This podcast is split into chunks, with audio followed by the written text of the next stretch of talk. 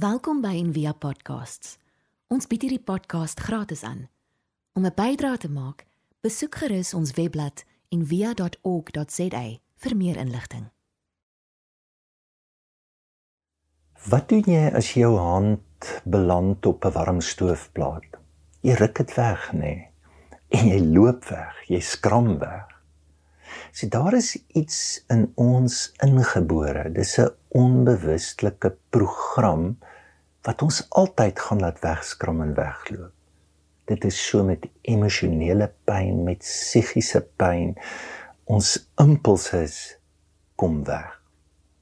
En nie net om weg te kom nie, dis baie keer om dit sagter te maak. So 'n babatjie huil, wat doen ons? Ons maak hom dadelik stil. Waar is die dummy? Kom ons sis, kom ons want iets in ons wil pyn vermy. En is net natuurlik. So Jesus leer ons om pyn nie te vermy nie en om dit nie te versag nie, maar om na dit toe te gaan.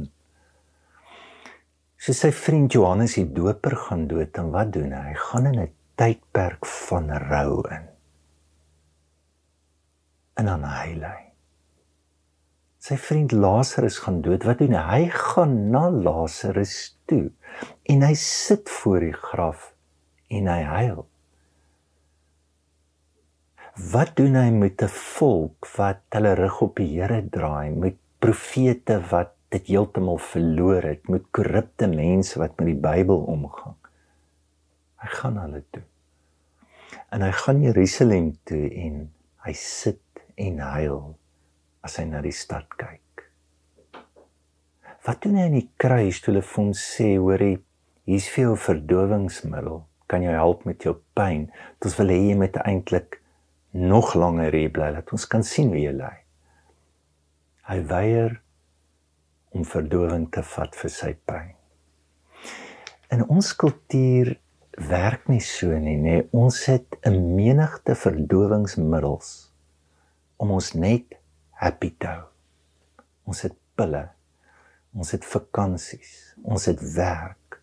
Ons het vriende, ons het partytjies, ons het goed waarmee ons kan wegkruip om net nie na ons pyn en na ons seer toe te gaan nie. Jy dink aan ons kultuur, hulle laat jou nie toe om te rou of te huil nie, want daar's nie regtig tyd nie. Ons moet aangaan. Die lewe gaan aan. En ons te kultuur wat vir eintlik sê jy moet ook nie jou swakheid wys nie, want ehm um, jy moet sterk wees. Ag en in julle weet, daar's 'n daar's 'n legio goed.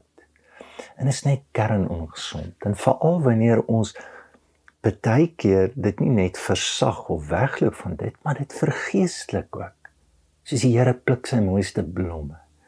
Sklisjées wat wat vals is, wat gelaai is met leuns van van onegtheid, van oneerlikheid of hoekom het ons hierdie behoefte dat ons pyn altyd in 'n wonderwerk moet verander?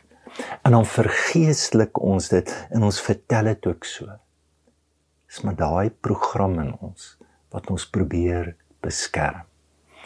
Die Here sien dit in Israel en hy raak regtig moeg daarvoor en die profete almal verloor dit en hy sê luister hier julle feeste gaan die Here in te leer in treur geleenthede omskep. En julle vrolike liedjies, weet jy wat gaan hy doen? Hy gaan dit in klaagsange omskep. Dis baie sad, as jy eintlik 'n klaagsang moet sing en jy's besig met jou happy songs. Dit is tragies as jy fees hou en jy behoort eintlik te huil. Weet jy wat in 'n Jood, as iemand dood is, hy moet 7 dae vat en huil. 7 dae. En ons lees in die Bybel dat met vername mense soos Moses en Aaron was dit tot 30 dae wat jy moet huil. Jy skeer jou hare of jy sny dit nie vir 30 dae nie, jy sit as op jou. Jy jy skeer jou klere. Jy betaal iemand om te kom huil op die begrafnis. Ek onthou my eerste begrafnis in Stellenbosch is iemand betaal te kom huil. Want ons is so ver, ons is so afgesny van dit. Partykeer moet ons amper iets meganies doen om ons te kan help om in hierdie diepste diepste waarheid waarmee ons sukkel om dit te ontbloot om ons te onthou. En hier is die Here se ongelooflike wysheid vir gesondheid en geestesgesondheid is om te kan huil. Want die probleem is jou wond kry 'n persoonlikheid. En ongelukkig kan jy ook baie uit jou wond uitkry en ons wil dit eintlik nie los nie. Henry Nouwen skryf en ek baie mooi daaroor. Hy sê the great challenge is living your wounds instead of thinking them through. It is better than it's better to cry than to worry. Better to feel your wounds deeply than to understand them. The choice you face constantly is whether you are taking your hurts to your head and to your heart. En dan moedig hy jou aan en sê wil jy nie God is groter as jou wonde. En hy ontmoet jou in jou hart en ek dink dis presies wat gebeur. Dat pyn het hierdie gawe dat die geloof en die vertroosting wat die pyn wat pyn vir ons gee, bring ons in 'n spasie van ons hart waar God is en waar ons God kan ervaar. Nou ons het vandag storie van Maria gelees en is mooi hoe hoe reageer sy seil. En die taal van hierdie hart waarvan Henry nou praat, hy praat nie Afrikaans of Engels nie. Hy praat met trane.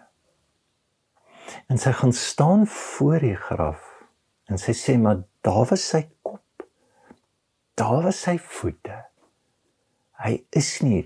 Dit is om jou pyn in die oë te kyk om die leegheid te kan sien om jou verbeelding in te bring en met die realiteit van dit te kan sit.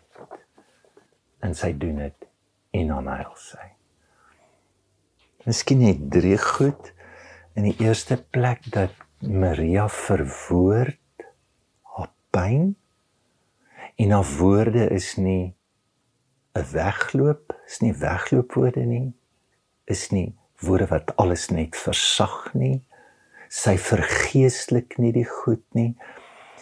Sy sê hoe dit is. En is dit nie amazing dat die engele vra waarom huil jy?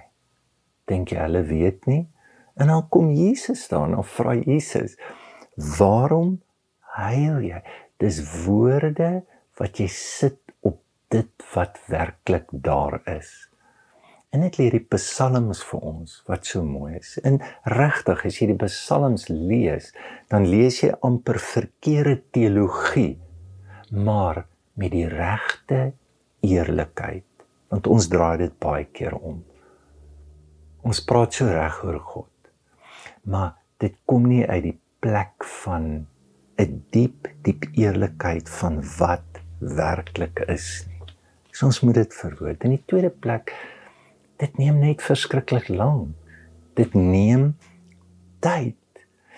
En dat hierdie tyd is nie 'n vinnige wilsbesluit wat ek geneem het. Weet jy toe ek dit besluit het, toe verander alles. Of weet jy toe ek so begin bid het. Dis net nie die waarheid nie. God is in ons lewe en dit is 'n organiese proses. En in hierdie organiese proses moet ek myself toestemming gee om te kan voel wat ek voel. Ek moet my toestemming gee om kwaad te kan word oor die onregverdigheid. Oor hoe dinge gebeur het en uitgewerk het soos wat ek glad nie in my hele lewe wou beplan het nie. Ek moet my toestemming gee om bitter te kan word. Te kan sê maar dit is nie reg nie. Ek moet die frustrasie en die hulpeloosheid van dit ten diepste ervaar. En wanneer ek my toestemming gee om dit te kan voel en dit te kan belewe, kom daar 'n diep aanvaarding. Ek dink nie dat jy kan trane stoor in jou liggaam. Ons liggaam is nie gemaak vir dit nie. Dat ons trane is gemaak om uit te kan kom. Dit rol oor die wange waarna dit terug na die aarde toe. Die woord mens beteken aarde. Die plek van waar ons kom. En dit dis om terug te keer na ons mensheid toe na ons stoffelikheid toe en dit is presies in dit in hierdie ondraaglikheid waar die Here ons ontmoet. En jy het ook mense nodig en jy het mense nodig wat jou nie wil fix of raad gee of al hierdie Bybelversies gee nie. Jy het eintlik mense nodig wat wat soos Jesus en die engele dalk die vrae vra wat jy verskriklik nodig het wat jy moet hoor. En dan het jy deel van hierdie organiese proses is jy jy het geduld nodig. Dit gebeur nie vinnig nie. Geloof is nie 'n magiese tower magic wat gou alles verander. Jy moet net glo, dan kry jy wat jy wil hê.